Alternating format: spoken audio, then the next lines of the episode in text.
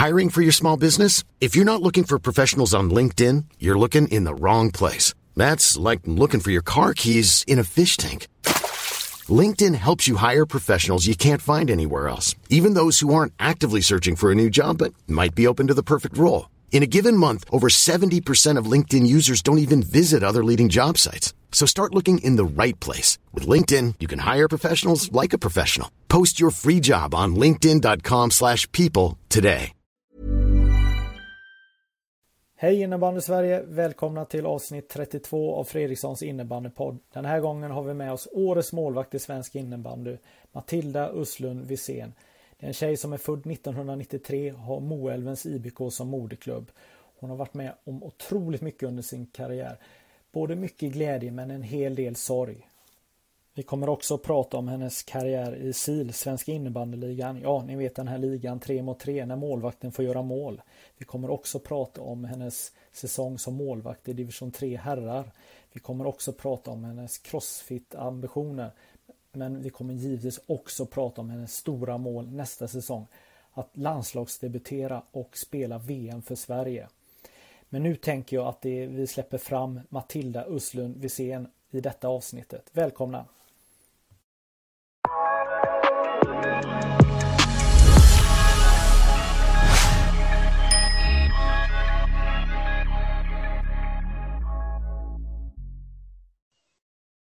Ja, här sitter jag med Matilda. Tjena, hur är läget? Jo, det är bara bra. Precis varit i Uppsala och haft fysträning. Så jag har kört lite benpass där med Muskelcentrum som har hand om vår fysträning i Sirius. Mm. Då kan man säga att du är riktigt igång nu då? Efter... Ja, verkligen. Det är, det är väldigt varmt idag också, så det är som ett bastu i min lägenhet här. Så absolut, jag är het och eh, igång. Vad eh, morgonträningar, är det det som gäller på försäsongen eller hur? hur har ni ja, du, alltså jag tror att får Klara Molin bestämma då är det gärna träning klockan åtta, helst tidigare. Men eh, så det är bara att rätta sig i ledet fick jag höra. jag ja. som inte är en morgonmänniska. Då. Nej. Eh, du sitter med en uh, Sirius-tröja och du har nummer ett. Är det viktigt att ha siffran nummer ett eller hur tänker du? Nej, det är ganska intressant. Jag bytte ju faktiskt nummer inför den här säsongen. Så jag har spelat med nummer 93 väldigt länge för jag är född 93. Så eh, det var min, eh, min pappa faktiskt som valde det numret åt mig när jag var yngre. Kan jag ha varit 12 kanske. Så jag har spelat med det numret egentligen nästan hela min karriär. Så eh, jag tänkte en nystart i Sirius, nytt nummer och nytt lag helt enkelt. Ja, jag har faktiskt själv fuskat lite som eh, målvakt i ishockey och då hade jag också nummer ett. Det tyckte jag var viktigt att ha nummer ett för att eh, jag tänkte 30-35 och de andra numren, ah, det, det är fel att ha. Ja, men det är ju klart att det är ju ett statement att eh, tala om för alla som är där och tittar och även sitt eget lag att eh, men titta på mig, det är jag som är nummer ett. Så att jag tror att det kan vara lite placebo faktiskt att sätta nummer ett på ryggen. Eh, att man får en extra liten press på sig också. Så kände jag i alla fall att när jag bytte nummer, att så här, nu ska jag visa att jag är nummer ett. Nummer ett i mitt lag och nummer ett i SSL helt enkelt. Ja, men härligt. Eh, jag tänker så här att vi ska lära känna dig lite eh, mer. Eh, Eh, och kan inte du börja berätta om din innebandykarriär i ja. detalj? Nej, men eh, hur började det? Ja, jag börjar bli gammal i gamet här nu. Jag fyller ju 28 här i sommar. Så jag började faktiskt när jag var åtta år och då började jag i en klubb som heter Moälvens innebandyklubb. Eh, så där spelade jag från när jag var åtta tills jag var ungefär 14. Eh, I Örnsköldsvik va? Ja, precis. Jag är uppvuxen i Övik helt enkelt. I Skällevad heter det, ett litet område där. Eh, så jag började i eh, Moälven och sen så, eh, så vet jag att när jag var 14 där så spelade jag både i pojk och flicklaget och fick börja träna med elitlaget i stan då som var elitserien eh, Örnsköldsvik då, helt enkelt.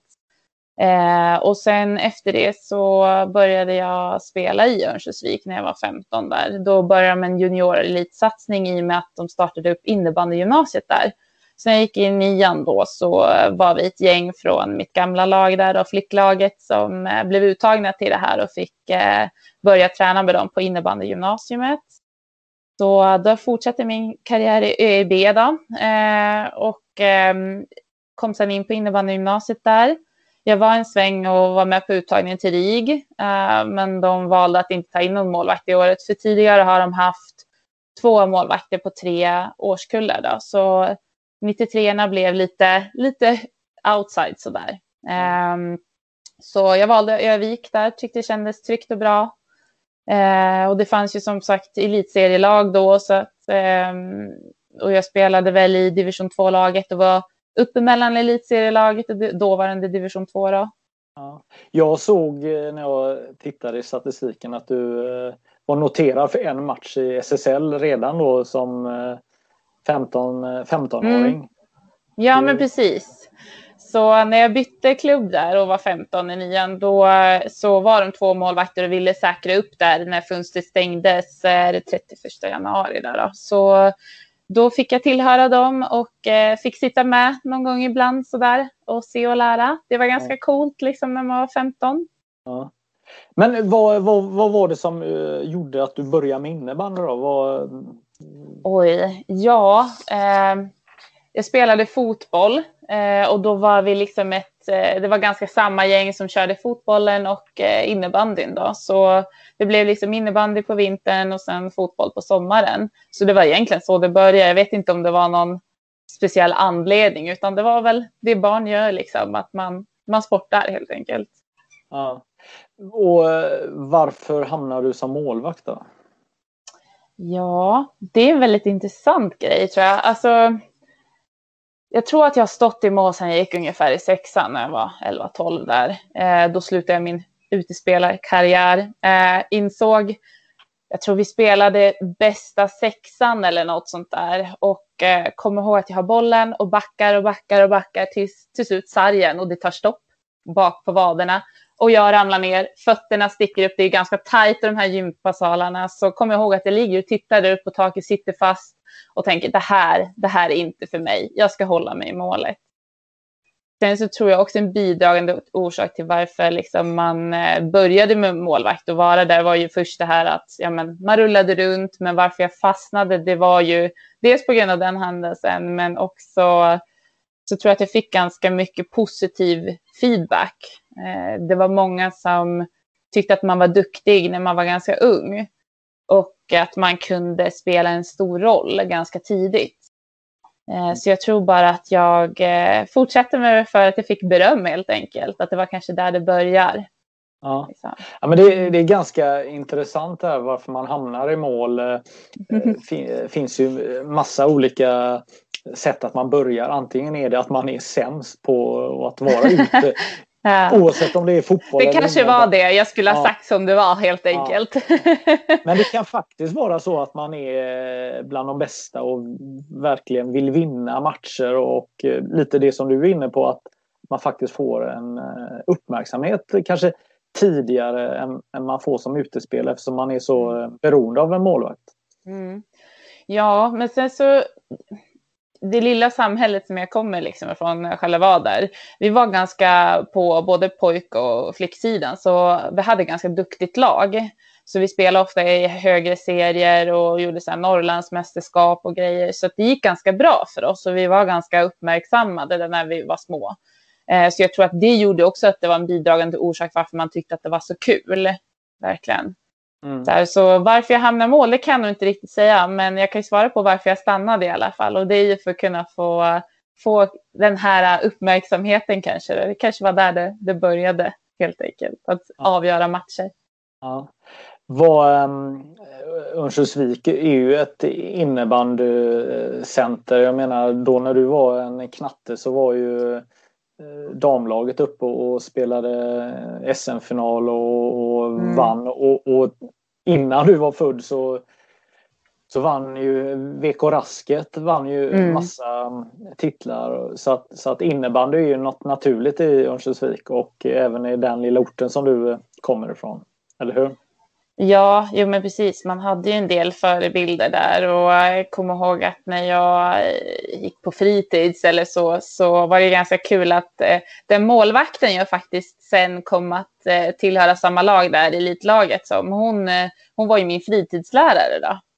Eh, så jo, men det fanns en hel del. Eh, Stina Näktergal, hon hette väl Stina Olofsson på den tiden, var ju väldigt duktig och eh, hennes, eh, eller hennes bröder var väl liksom duktig, Martin Olofsson bland annat där och så. Så det fanns ju många profiler i Övikstrakten kring innebandy, absolut.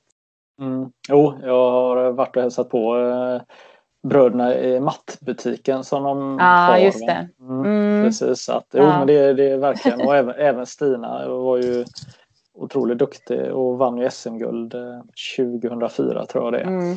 Mm. Så att, mm. Precis. Men vad hände sen då med din eh, innebandykarriär?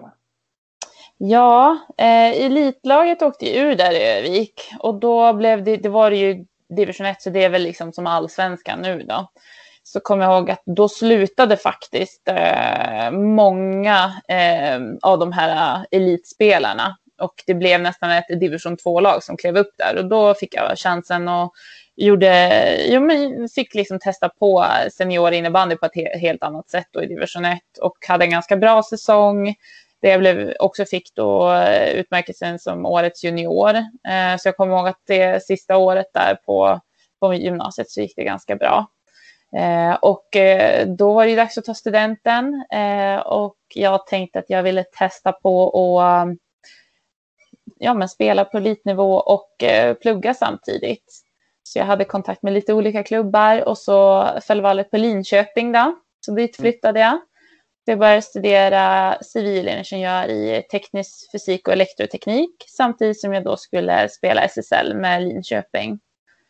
Och eh, det är det som är så coolt med att vara målvakt, att livet blir inte alltid kanske som man tänkt sig när det faktiskt bara är en plats man slåss om att spela. Det är en lagidrott men samtidigt är det en position.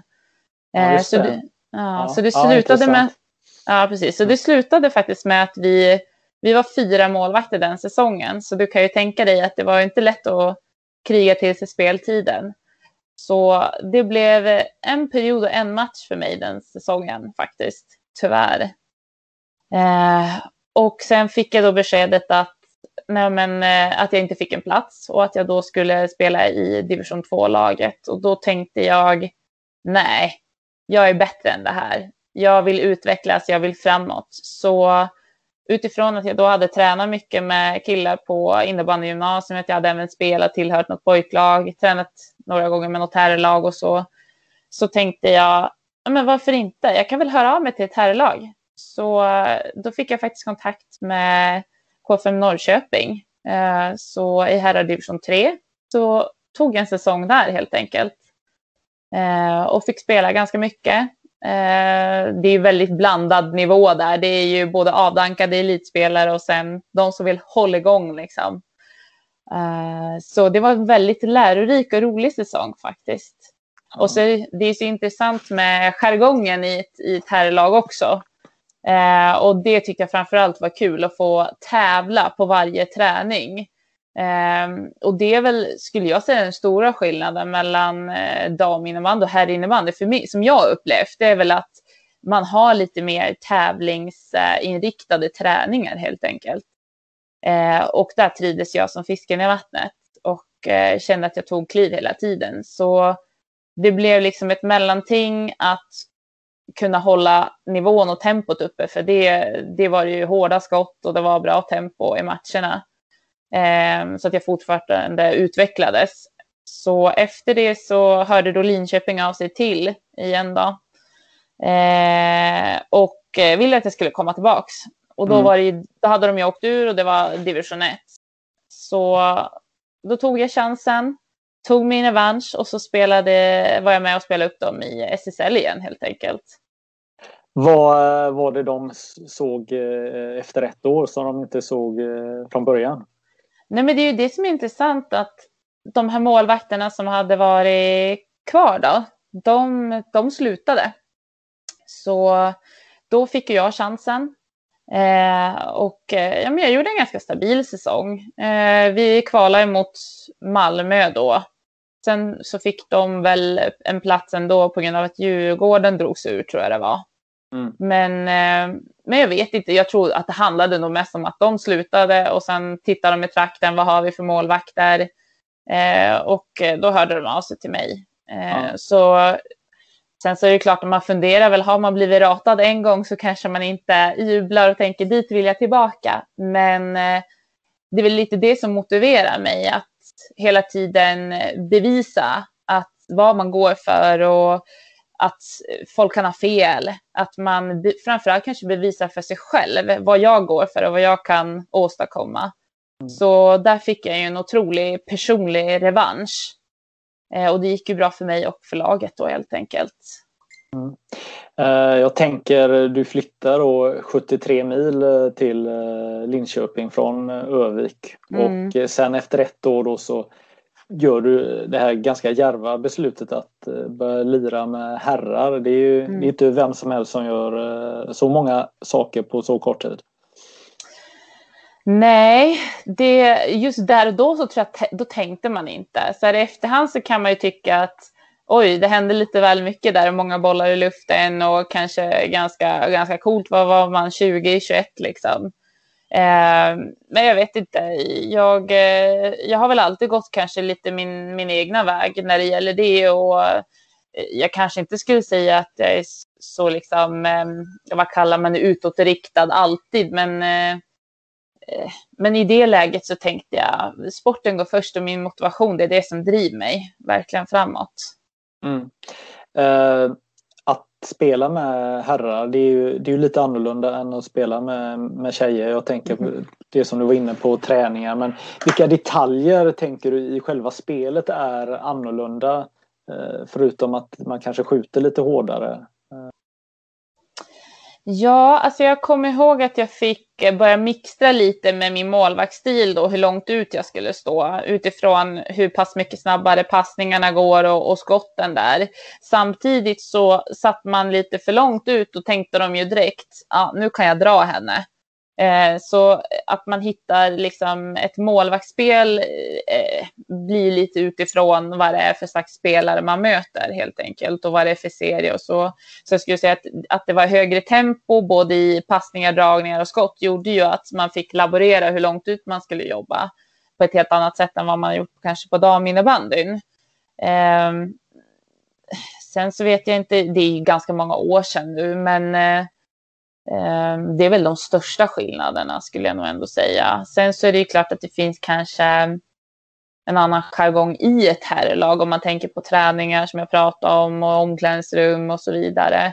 Att det är lite, lite annorlunda. Ja, men vad är det för detaljer då i, i snacket? Är man mer rakare mot varandra eller, eller hur tänker du? Eh, alltså, man kanske inte ska generalisera på det sättet, absolut inte. Men jag upplevde den situationen i alla fall som att där var man lite rakare. Men eh, man kunde ju ofta få höra, ah, nu kommer jag sätta den där i krysset bakom dig Matilda, passa på nu liksom. Det är inte ofta jag kanske får höra det från mina lagkompisar nu, bara, passa dig brors, nu ska jag skjuta här liksom. Så att eh, Eh, sen så finns det ju många, många härliga individer i damidrotten också där som, som gör det såklart. Men, eh, men det är just de här lite mer, lite mer gliringar, lite mer hårt mot hårt.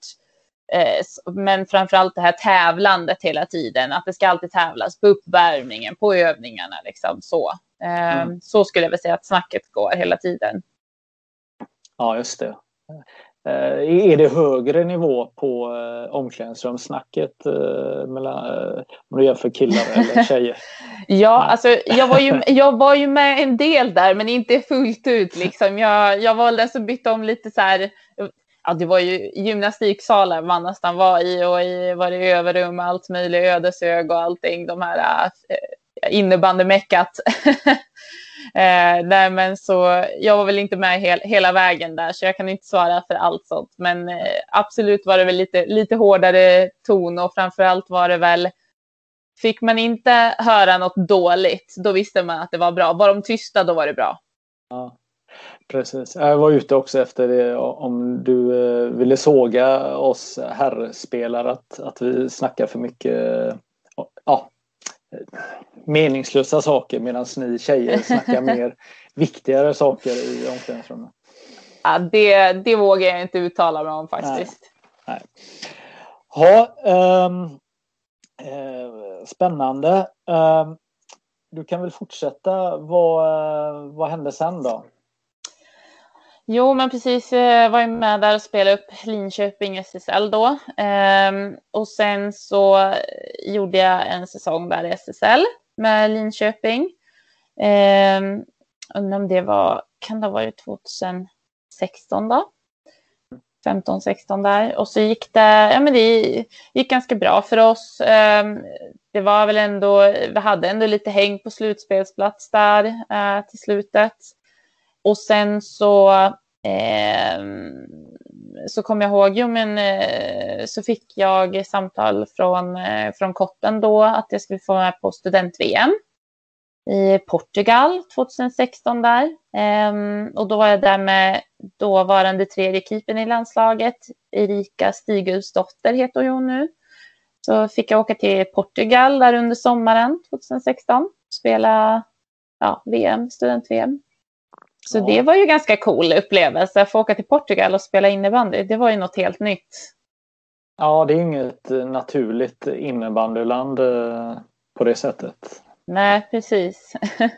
Så kom jag att vi spelade emot eh, Finland i finalen då och förlorade på straffar. Jag tror att matchen slutade nog 2-2 tror jag. Men mm. förlorade på straffar, så det var inte så kul. Nej, det är ju eh, också lite intressant när man åker till en annan plats eh, så tänker jag att eh, många runt omkring er måste undrat vad ni sysslade med för sport. Eller?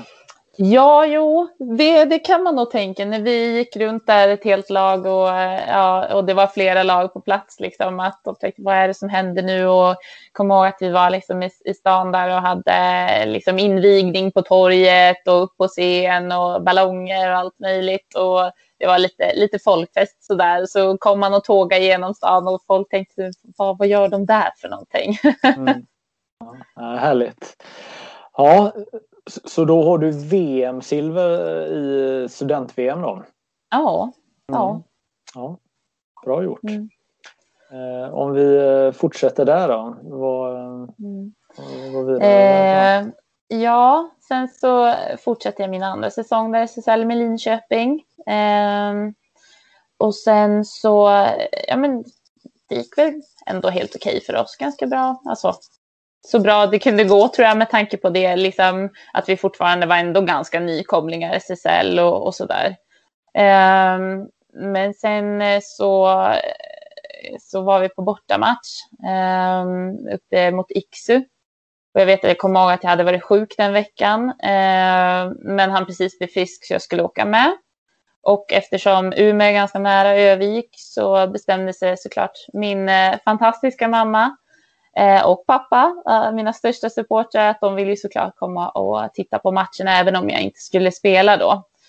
Eh, och på vägen hem då så var de med om en trafikolycka eh, där min mamma omkom och min pappa fick allvarliga hjärnskador och var nedsövd ganska länge.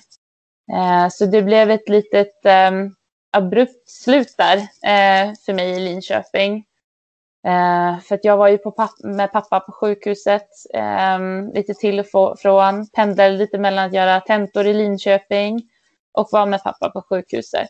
Eh, och sen så vet jag också att jag åkte ner, jag tror det var två veckor efter olyckan så åkte jag ner och ehm, spelade match igen och vi säkrade vårt kontrakt då i, i SSL. Eh, men så fort säsongen liksom var, var över så flyttade jag hem till, till Övik ett tag eh, och eh, försökte finnas där för, för min pappa och, och vara med familjen och så. Helt enkelt. Så det blev ett litet abrupt slut där i Linköping vilket gjorde att jag behövde vara lite närmare familjen. Närmare min brorsa och min pappa då. då. Så då valde jag att eh, flytta till Stockholm. Så jag eh, eh, tog kontakt med Täby och kollade hur deras trupp såg ut. Och eh, och då hade de ju två jätteduktiga keeprar, både Alexandra Duling och eh, Emelie Frisk. Um, men samtidigt så, så gavs det en plats till mig där. Och det blev jag och Alex då i Täby. Så eh, först, min första säsong i Täby fick jag stå ganska mycket när det gällde serie, seriematcher. Gick, det gick väl okej okay, liksom så. Ehm, men sen hände någonting där. Eh, sista eh, sista veckan innan första slutspelsmatchen. Eh, och de valde att Alex skulle stå eh, första slutspelsmatchen. Och sen dess så blev det bänken för mig, så kan man säga. Hon gjorde ett jättebra slutspel. Eh, så bytte vi tränare till år nummer två. Eh, och sen dess så var jag liksom andra fjol kan man väl säga, lite grann där bakom Alex i en och en halv säsong tills corona satte stopp för vår säsong liksom förra året. Då. Mm. Eh, oj, eh, shit vad du hoppar fram i, eh, i allt här hela tiden. Jag, jag måste ju givetvis backa tillbaka. Eh, vad betyder din mamma för dig då? Eh, nej men hon var min största supporter. Eh, kommer ihåg när jag var yngre så hon anmälde ju mig till målvaktsträningar, målvaktskurser, läger nere i Mora åkte med husvagn och hela familjen dit ner för att jag skulle vara med på innebandyläger. Eh, framförallt den här perioden när jag var 14 där och jag tränade med olika lag, olika klubbar, så kunde hon köra mig till en träning och sen så satt hon på läktaren, väntade tills den var kvar, eh, klar och sen så körde hon mig till nästa. Eh, och det som var väldigt intressant just med den perioden var också att här, man kanske tänkte att ja, men hon sitter väl och gör någonting på läktaren. Något annat, kanske läser en bok eller så. Men eh, hon satt ofta väldigt intresserad och tittade på träningarna. Så mellan träningarna och efteråt kunde vi alltid sitta och diskutera hur det gick och eh, liksom utvecklingen och allting. Så hon var otroligt intresserad. Hur kommer eh, det sig då att hon var så intresserad? Har hon själv spelat eller? Nej, nej in, inte så. Utan jag tror bara att eh, hon blev väl på något vis kanske tvingad där att sitta och vänta och stötta mig och köra mig till nästa träning. Så det var nog då hon kanske började titta mycket och blev mer och mer intresserad. För att jag var intresserad, för att jag brann för det. Så någonstans så blev det väl att hon brann för det. Um, och där hon jobbade så var det ganska kul för att hon, eh, min mamma hon samlade på alla tidningsurklipp hon, eh, som jag kunde vara med på, matchrapporter, allt möjligt. Så då hade hon en liten glasvägg där hon satte upp alla de här på jobbet. Då. Så alla hennes arbetskollegor kunde alltid gå, gå och läsa hur det gick för mig och hur framfarten gick för mitt lag och så där. Så nej, hon var verkligen en eh, jättefin eh, supporter och ställde upp väldigt mycket för mig absolut. Hon eh, hjälpte också till i minst en av klubbarna som du spelade för också eller? Ja, precis. Hon, eh, hon satt med i styrelsen i Moälven. Eh, hon satt även med i, som, i styrelsen och hjälpte till i eh, ÖB. Då. Sen var hon även med jag, typ som lagledare, lagmamma eller vad man kallar det i distriktslaget ett år tror jag. Så att eh, hon brann ju verkligen för, för mig och för det jag gjorde. Eh, så att, sen så tyckte väl att det blev lite tomt nu när jag då skulle flytta till Linköping, kom jag ihåg att hon, eh, hon ville eh, vara lagledare i mitt gamla lag då och tänkte men nu kommer jag sakna innebandyn så mycket när jag inte kan titta på dig lika mycket längre. Så, eh, men så sa jag det, nej men mamma, nu får du ge dig hur ska du någonsin ha tid att titta på mina matcher om du är lagledare för ett helt annat lag och åker med på deras matcher? Ja, då säger jag, ah, okej okay då. Så jag kommer ihåg att min, min första nolla i SSL mot Falun var det. Då åkte mamma och pappa ner med, med en husbil då och hade satt upp supportermärke i, i fram i rutan. ja, vad, här, vad härligt. Ehm, eh, jag minns ju själv när jag skulle spela min första eh, innebandymatch efter min eh, pappa hade gått bort.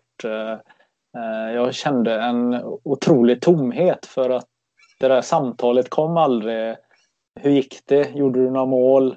Ja, mm. Som bara en mamma eller pappa kan ställa. Ja. Hur, hur, hur, känner du? Ja, nej men det går väl inte att sticka under stolen med att det har varit med om är tufft. Eh, och det är någonting som jag fortfarande är mitt uppe i. Det är ju lite drygt fyra år sedan det hände. Eh, och man har ju fortfarande inte riktigt landat i det.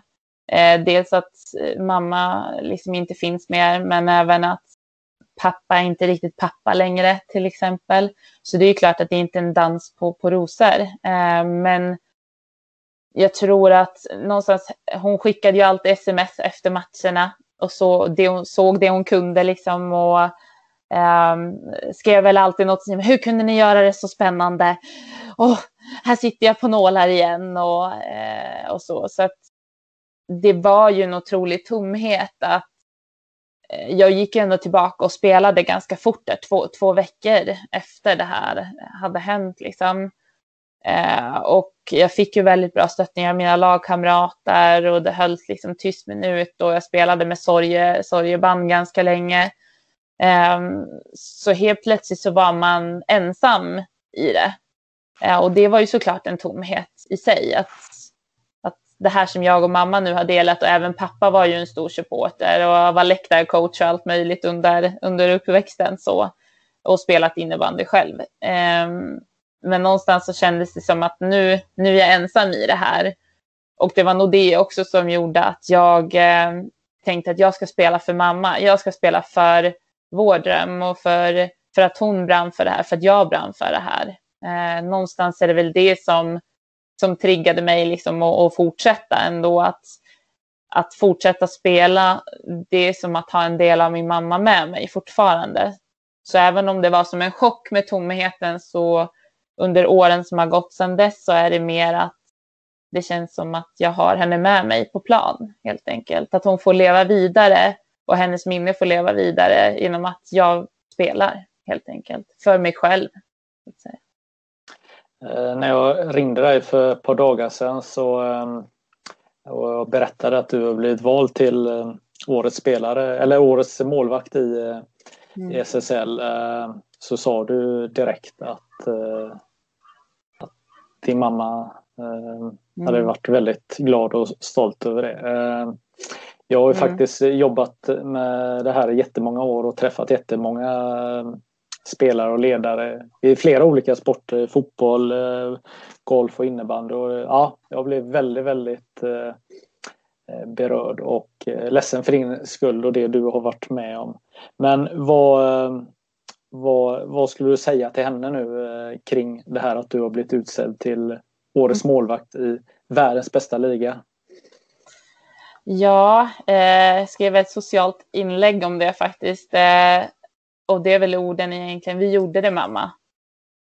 Att ta sig, vägen har inte varit spikrak utan som sagt det har varit eh, en, en tuff väg dit. Att det har gått i perioder med och, och, att jag ändå har fått revanschera mig och så. Men det är väl där jag skulle landa någonstans. Att vi gjorde det mamma, verkligen. Att den tiden hon la ner, den tiden jag har lagt ner till slut tog mig till ett mål som jag aldrig trodde att jag skulle få vara med och uppleva.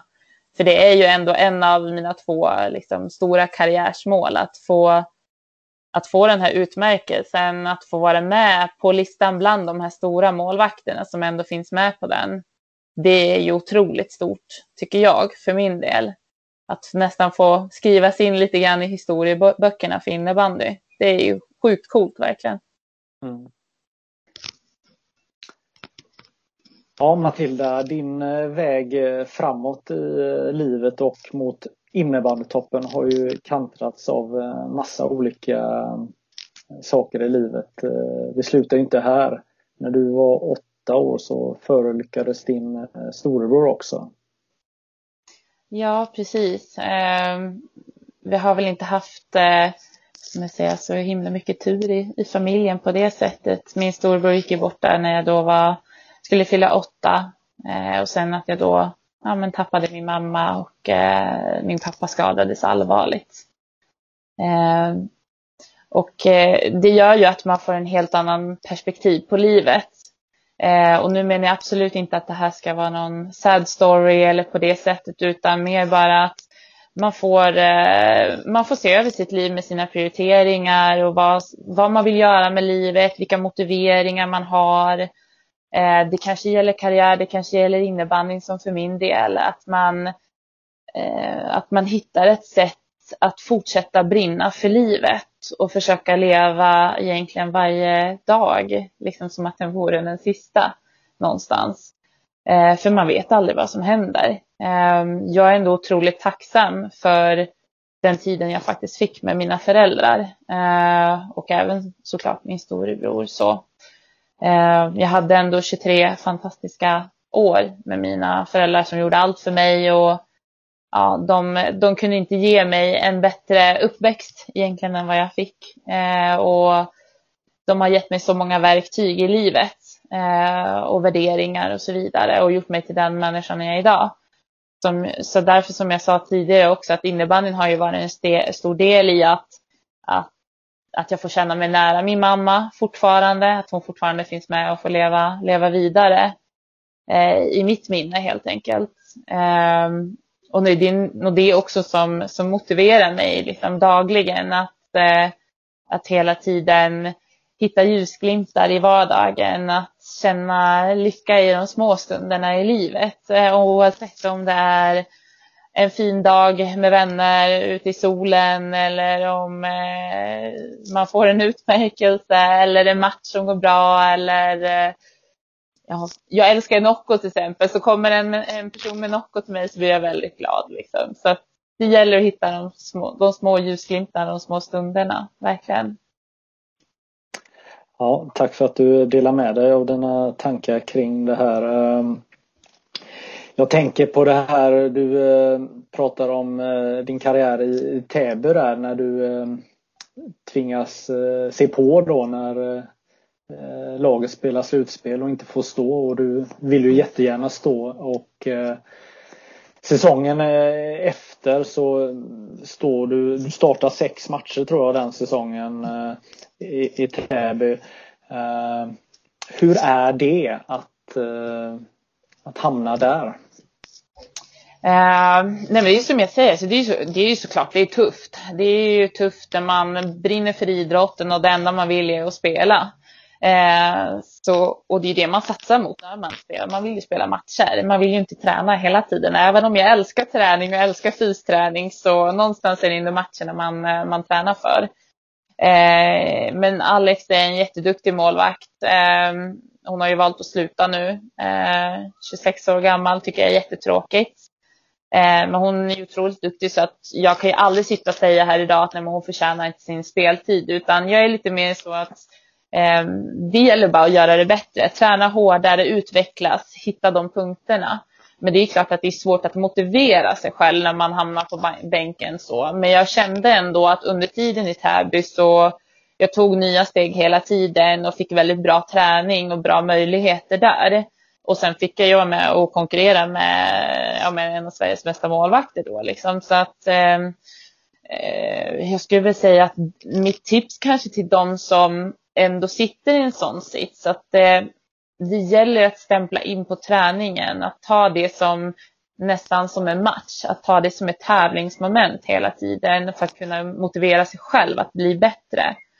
Och jag är väl ett levande exempel egentligen på att vägen är inte spikrak. Jag vet att det är andra målvakter som har haft liknande väg uppåt. Jag tror att Patrik Åhman bland annat är en sån som, som också fick sitta lite andra fjol och det gick, eh, ja, men gick upp och ner liksom under karriären. Mm. Eh, ja, men så, så, så, mm. så, är det ju. Det, det finns ju hur många olika mm. sådana exempel Eh, som helst i olika idrotter. Eh, jag som brinner för fotbollslaget Aston Villa kan se tillbaka på den här säsongen där det finns en eh, kille från Argentina som var andra målvakt i Arsenal i åtta år och så blir han tradad till Aston Villa då, en mindre klubb och är Englands bästa målvakt och landslagsaktuellt helt plötsligt på en säsong. Så att det finns ju mycket eh, bakom eh, bland, bland många målvakter. Men, men vad jag tänker är ju det här, jag tänker torsdagsträningen, sista träning innan helgens match. Alltså i slutet av en sån träning, hur känner man? Alltså det måste vara någon form av tomhet. Man vet att man antagligen inte ska stå till helgen. Eh, hur tar man sig igenom säga, ja, sista träningen innan match? Jag, jag brukar tänka på det tvärtom. Jag tänker så här, jag ska bevisa att jag är bättre. Jag ska vinna den här träningen idag. Att motivera sig själv, det är samma sak egentligen med matchuppvärmning. Eh, så brukar jag tänka att jag ska visa att jag är hetast idag. Eh, och det handlar inte på något vis att egentligen konkurrera ut den andra, men det är att visa för tränaren, för laget att jag är 100% redo. Och även någonstans att kunna gå till helgen då inför match med en skön känsla i kroppen att så här, men jag vann faktiskt den här träningen idag. Jag var faktiskt bättre idag. Så skulle man på pappret liksom ta ut ett lag utifrån träningen så hade jag stått. Att bara ha med sig det själv kan vara en ganska skön känsla liksom. Så skulle jag väl mm. säga. Så skulle jag motivera mig, eller det är det jag har gjort i alla fall. Jag tänker när man är eh, tvåa då, eller precis bakom, hur, hur eh, hur ska man agera tänker du? Ehm, jag tänker med snacket med, med medspelare och, och sånt. Und. Ska man kopiera det som den andra gör när man väl får hoppa in eller, eller måste man vara med hela tiden och vara väldigt lyhörd på allt snack? Jag tänker defensiva situationer, eh, boxplay och hela den här biten. Så att man inte sitter och surar när man inte får, få stå, eller hur? Hur gjorde du? Ja, jag kan säga att det är inte min mentalitet överhuvudtaget att sitta och sura, utan jag känner så här, dels så är det en lagidrott. Och har jag fått den rollen att sitta på bänken, så då har jag fortfarande en otroligt viktig roll. Jag kan fortfarande påverka vad som händer på plan. Eh, så att alltid komma med ett leende på matchdag, att alltid peppa, alltid stötta. Och det gäller inte bara sin målvaktskollega, utan det gäller hela laget. Att det man gör på bänken, det är ju det som skapar energi helt enkelt. Så att jag skulle säga att den rollen är minst lika viktig. Um, så nej, absolut inte sitta och hänga läpp. Det är inget jag rekommenderar, inte för, för en själv heller. Och det gör ju också att skulle det hända någonting eller man behöver göra en förändring så är det påkopplad på ett helt annat sätt. Är du med i snacket, är du med det som händer på plan, då är du ju där liksom mentalt om du skulle behöva hoppa in också. Mm. Så det är väl det liksom jag skulle tipsa om, absolut. När man är 26, 27, 28, 29, 30 eller vad man nu är. Det är då man ska vara som eh, bäst som målvakt, eller hur? Ja, jag har ju hört det där sedan jag var liten då, att eh, man pikar när man är 27-28, eh, kanske till och med 29 som målvakt. Eh, och det är lite sjukt att det blev så för min del. Att, eh, jag känner väl ändå att jag har gjort min bästa säsong hittills, absolut. Med, med den jämnheten jag ändå tycker att jag har presterat i, i år. Eh, jag kanske har haft höga toppar tidigare, men att det har varit lite min lägsta nivå eh, har ju höjts otroligt mycket till den här säsongen skulle jag säga. Mm. Eh, jag har ju pratat med massor av spelare som har varit med och, och eh, vunnit SM-guld eh, genom åren, både på herr och damsidan. Som, som, de säger själva att de nästan har uppskattat guldmedaljerna mer när de har varit med om att förlora finaler innan, eh, misslyckas innan och sen få vinna. Alltså de här som vinner direkt och bara befinner sig där uppe hela tiden kanske inte får samma känsla. Vad, hur känner du nu när du faktiskt har blivit utsedd till eh, eh den bästa målvakten i SSL? Eh, med tanke på din resa dit? Nej men det är väl som du säger, det är ju det som gör att det är ännu mer roligt och kanske mer överraskande också för en själv. Att så här, som jag sa, att, att få revansch, det är ju fantastiskt. Men det handlar kanske inte om en revansch ute i, liksom i, i innebandy Sverige utan en personlig revansch, att visa vad man går för precis som du säger, har man förlorat, har man misslyckats, att sen kunna lyckas med ett mål eller ta sig framåt i utvecklingen, det är, det är väl det som är fantastiskt. Det är då man känner att man faktiskt eh, har åstadkommit någonting. Jag tror att glider man in på en räkmacka och livet leker och Så då tror jag inte att man värderar, som du säger, kanske gulden eller utmärkelse eller vad det kan vara lika mycket. Eh, så absolut, att man har haft eh, nederlagen, man har haft motgångar och allting och sen få sin revansch. Det är väl det som gör att man kan njuta av framgångarna också skulle jag säga. Mm. Eh, om man tittar på de två senaste VM-turneringarna 2017 och 2019. Det är alltså fyra olika målvakter som har varit med i, i eh, Sverige där och alla har slutat. Mm. Och, vad tänker du kring det? Och ganska ung, unga har de varit när de har slutat. Ja, alltså det känns ju lite som att det börjar bli mer normen nu att eh, innebandyspelare, framförallt på damsidan, tycker jag slutar tidigare och tidigare. Um, känns som många har liksom motivationsbrist eller så kanske det är för att skaffa familj. Men just den här motivationsbristen tycker jag är väldigt intressant ändå att, eh, att det är många som slutar på grund av. Och det var någon som jag pratade med som sa det, men när man har spelat så länge på elitnivå, vi tänker att man kommer upp kanske redan om man är 18-19 och sen slutar när man är 26. Så då har man ju ändå spelat på elitnivå liksom, ja, men upp mot åtta år. Och då kanske man känner sig ganska nöjd. Sen så kanske många känner också att typ ett VM-guld är liksom den sista eh, vad ska man säga, anstalten eller liksom så, det sista steget man kan göra. Eh, så att vinna ett SM-guld är ju såklart fantastiskt, men att sen då ta sig till ett landslag och vinna VM-guld, då kanske man känner sig nöjd. Jag vet inte. Nej. Eh, har du tänkt att du ska känna på den känslan eller? Att vinna inte, ett VM-guld? Ja, inte, inte att sluta kanske, Nej. inte just nu. Nej, men att vinna ett eh, VM-guld. Vill du vara med i eh, Sveriges VM-trupp? Det är klart jag vill. Det är ju, eh, vore ju ett drömmål. Att göra landslagsdebut det vore ju fantastiskt kul. Men det är också hårt jobb bakom det och det är många duktiga målvakter. Framförallt den här säsongen så är det ju ganska många som är jämna. Eh, och sen så nu i och med att Alex slutar också då så som du sa då har ju båda VM-målvakterna från förra VMet slutat så att nu känns det som att det är öppnare än någonsin. Eh, vilket är ju positivt såklart för oss som, som campas om det. Så. Eh, men absolut. Ja, det, är, det, det är ju lite oskrivet eh, kort då helt enkelt. Alltså det är fri konkurrens eller vad ska man säga? Ja, nej, men det är klart, det är drömmen att få vara med, vara med om ett VM-guld och, och, representera Sverige. Det är väl det finaste man kan få göra inom innebandykarriären, absolut. Mm. Thorengruppen är eh, svenska mästare 2021. Hur eh, ser du på dem?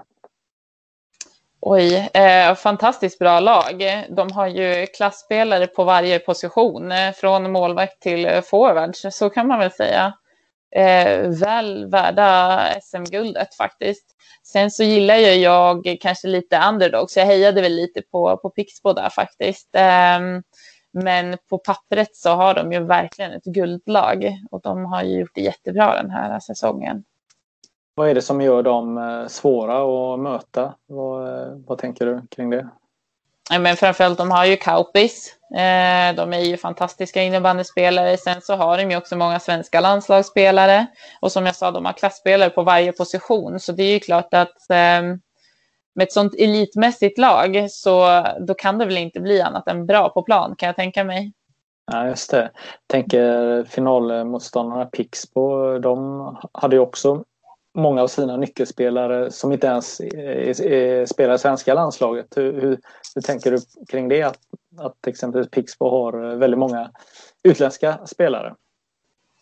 Nej, men jag tycker väl att det är eh, bra för svenska innebandy att få bli influerad av, eh, av andra länder också. Och de är ju fantastiskt duktiga och eh, eh, har ju ett väldigt eh, rivigt spel skulle jag säga. Jag tycker att det, det är coolt med, med Eliska där och, som river och sliter och har en fantastisk räckvidd. Och så så att, nej, men jag ser nog bara det som, som positivt att det, vi får ha många duktiga innebandyspelare i SSL. Mm. Ja, ni är, är ni fyra stycken som åker från Stockholm till eh, eh, Uppsala på era matcher och träningar. Vad, hur fungerar det att eh, pendla och eh, spela innebandy? Eh, jo, men det är väl klart att det blir ju mindre privat tid, så kan man väl säga. Men eh, jag har ett ganska bra jobb som går att anpassa. Eh, och sen så eh, har vi ganska kul i bilen, så det är väl alltid trevligt. Så det har ju varit jag, Sara Attemo, och Basse och Janne kallar vi dem. Eh, så det är vi fyra som har, som har åkt större delen av säsongen tillsammans. Så för att vi har ju eh, fredagsträningar bland annat så har vi väl hottat upp dem lite genom att eh, alltid stanna och köpa godis på vägen till träningen. Eh, vi har väl våra matchlåtar och matchlistor som Sara Attemo får styra där lite Caloroni Macaroni och, och sjunga högt i bilen. Det är alltid trevligt. Ja. Så det är någon form av ritual ni har då på något sätt att att, att umgås lite i, i bilen då när ni åker till alla de här träningarna och matcherna? Ja, har man fyra träningar i veckan plus match så blir ju det kvalitetstid tillsammans. Så att, eh, jo, men eh, Sara Attimo håller väl ofta låda och Basse hon kan nog prata ganska mycket också så man har väl eh, betat av de flesta ämnena över hela säsongen, absolut. Ja, det är gött. Eh, du har berättat för mig att du, du gillar målvakter som är utåtagerande. Vad, vad menar du med det? Ja, absolut inte aggressivt utåtagerande, men, eh, men utåtagerande där eh, om man jämför med till exempel eh, utespelares målgester. Det kan ju inte riktigt vi göra som målvakter, så jag tycker att det är fantastiskt kul med målvakter som visar känslor. Och då tänker jag typ på Patrik Åhman som har sina, sina gester som han har gjort och även liksom Måns i Dalen där som brukar kunna bjuda på lite show. Eh, tycker att det är kul med spännande karaktärer i, på målvaktssidan liksom, som vågar bjuda på sig själv och kanske jubla lite extra mycket när man räddar någon boll eller räddar en straff eller så där. Bara lite psykning för motståndarna. Så där. Det är alltid trevligt tycker jag. Känslor ska det vara på innebandyplan. Gillar du det också eller? Själv? Ja, ja. absolut. Eh, jag tror man, man, kan höra mig jubla eller skrika av glädje ibland. Ibland så det är ju liksom inte medvetet utan ibland blir man bara så spontant glad om man inte trodde på en räddning själv och så lyckas man rädda bollen. Eh, sen så kan det vara, jag har fått höra ofta att jag eh, limmar jag en boll eller plockar upp den så är näven högt i vädret så att man ser att okej, okay, hon har den. Och det är väl egentligen mer bara för att förbereda mig för ett eh, långt utkast. Eh, men eh, det ser väl lite extra kaxigt ut jag fått höra, så att jag får väl bjussa på den. Men det är lite prestige att eh, limma ett skott, eller? Som målvakt? Jag tycker väl kanske inte att det är prestige så, men det är klart att det är lite extra roligt att nypa den med en hand och sen så dra ett långt utkast på det. Det är alltid trevligt liksom. Jo, men så är det ju. Om jag tänker själv om en målvakt limmar mitt skott så känns det inte bra. Det känns som att målvakten äger mig. Eller? Ja, ja, det var en lite rolig situation precis vid slutsignalen eh, sista matchen mot Pixbo faktiskt. Så eh, då sköt hon eh, precis i slutsekunden ett skott med limma med en hand och höll på att ramla, eh, ramla ihop där på slutet. Och då tittade hon på mig och jag tittade på henne. Hej, tänkte vi båda två. Så bara, bra där, sa hon. ja, ja, men det är härligt. Vad, men, men du, eh, du vill äga målområdet eh, som målvakt eller vad, om man ska förklara din spelstil? Är det så ja, du... ja, men absolut. Eh, det som efterfrågas, det, till exempel från landslagsnivå, det är väl att man ska vara en drottning i sitt målområde. Så det är väl klart att det är det man vill visa upp. Och det är det målet som jag alltid haft med, med mitt med målvaktsspel, att visa att det är jag som äger mitt målområde. Alla bollar som kommer dit ska vara mina och jag ska vara först på dem. Liksom. Så Sen så får man ju såklart vara lite lugn i vissa lägen också och spela smart såklart. Men absolut, äga mitt målområde är väl det jag siktar mest efter. Hur mår dina fingrar? Mina fingrar mår bra. De har lite, lite förhårdnader från crossfit, men annars är de helt okej. Det är så. Alltså är det mer eh, skador genom det än innebandyn eller? Eh, ja, alltså är man snabbare på att ta bollen så slipper man ju slagen, eller? smart, smart. Ja. Vad, vad skulle du säga är din absoluta styrka som målvakt? Jag skulle nog säga att det är spelförståelsen. Att jag hela tiden eh, läser spelet, ser var bollen ska hamna, hur de lägger bollen på klubbladet. Kommer de skjuta? Kommer de passa? Vilka markeringar har mina medspelare? Hur många hot har jag att fokusera på? Så jag skulle säga att det är spelförståelsen som jag tror eh, min absoluta styrka. Du menar också att du även pratar med försvaret vad de ska göra också då? Eller hur tänker du? Ja, så alltså det är ju klart att man måste väl alltid ha alltså ett samspel. Att man vet, eh, ja men till exempel i kontringar så vet att vi, den här backen, eh, den kommer nog alltid att eh, rusa på skytt eller den här kommer troligtvis försöka hålla passningen. Eh, liksom att hitta den dynamiken tillsammans är såklart jätteviktig och det är den som jag hela tiden om man inte hinner skrika de här instruktionerna eller önskemålen kanske man kan säga, inte instruktioner, för de gör ju inte alltid riktigt som man säger ibland. Mm. men, eh, men då får man ju tänka att det är bara att läsa och se vilken spelare tar den och rätta sig efter, efter dens val helt enkelt. Mm. Eh, jag tänker att eh, du eh, har landslaget och VM som mål. Då är det väl ganska bra att några av de här toppspelarna spelar i SSL så att du som målvakt kan läsa in alla de här spelarna, eller? Ja, såklart, absolut. Det håller jag med om. Mm. Um, vad vad har hänt här nu sen du eh, fick det här eh, utmärkelsen? Eh, har det varit lite surr om... Jag tyckte jag såg någon tröja, att du hade en tröja. Hur kommer ja. det sig? Jo, eh, om jag själv var glad och eh, chockad och så, så eh, har jag haft många fina vänner och framförallt laget som, eh, som har varit och grattat mig. Så när jag kom till fystesterna där i, eh, efter det hade släppts så, så plötsligt hade de tryckt en tröja och gav blommor och jag fick hyllningar och applåder. Så det var, det var jättekul. Så att, eh, nu har jag en fin träningströja och en eh, bra eh, pyjamaströja helt enkelt som jag kan sova gott i inför matchdag helt enkelt. Ja. Um, eh, Svenska innebandyligan har jag sett också att du har spelat i. Det är alltså den här spelformen i, i Stockholm där man spelar på eh, tre mot tre på tvären. Eh, och så har mm. du spelat med herrar där också. Mm. Eh, det är väl helt fantastiskt för eh, innebandyskillsen och som målvakt att stå i det snabba spelet. Ja, men gud, jag älskar tre mot tre spel. Det är typ det bästa jag vet. Det finns ju någon turnering i Västervik som jag brukar ha åkt på också. Eh, det är ju det där man lever för, för att äntligen får vi målvakter göra mål. Sen så kanske det, det är så himla lätt. Men, eh, ja, men jag har en eh, gammal arbetskollega att de hade ett, ett lag då, så att när de har saknat sin målvakt så har jag fått hoppa in där helt enkelt. Så jag kommer ihåg att min min första match faktiskt så, så låg vi under med 3-0 eller något sånt där och så gjorde vi aldrig något mål så blev jag så tokig och tänkte men hur svårt ska det vara? Så då drog jag faktiskt in ett, ett hattrick och eh, två assist. Så jag tror jag var poängbästa spelare i mitt lag. Trots vi förlorade dock, så det var väl, ja, jag får väl inte släppa in så många. Fokusera på det nästa gång. Ja, jag har ju själv spelat eh, den spelformen. Det fanns i Göteborg, hade de under 6-7 år, den spelformen. Det var ju perfekt att ha den vanliga innebanden och den här eh, typen av innebandy. Men det jag minns nu när jag eh, bara snabbt tänker tillbaka, det var ju varje gång det kom in en ny målvakt. Och typ första matchen eller första perioden så, så, eh, så, upptäckte man att målvakterna var så långsamma. De förstod inte det här att man kunde hämta en boll snabbt och sätta igång och, och att spelet gick eh, sådär extremt fort. Och jag, jag, gissar att, att du också känner igen dig det jag säger att, att eh, du fick träna väldigt mycket på att vara ännu snabbare i tanken hela tiden, eller?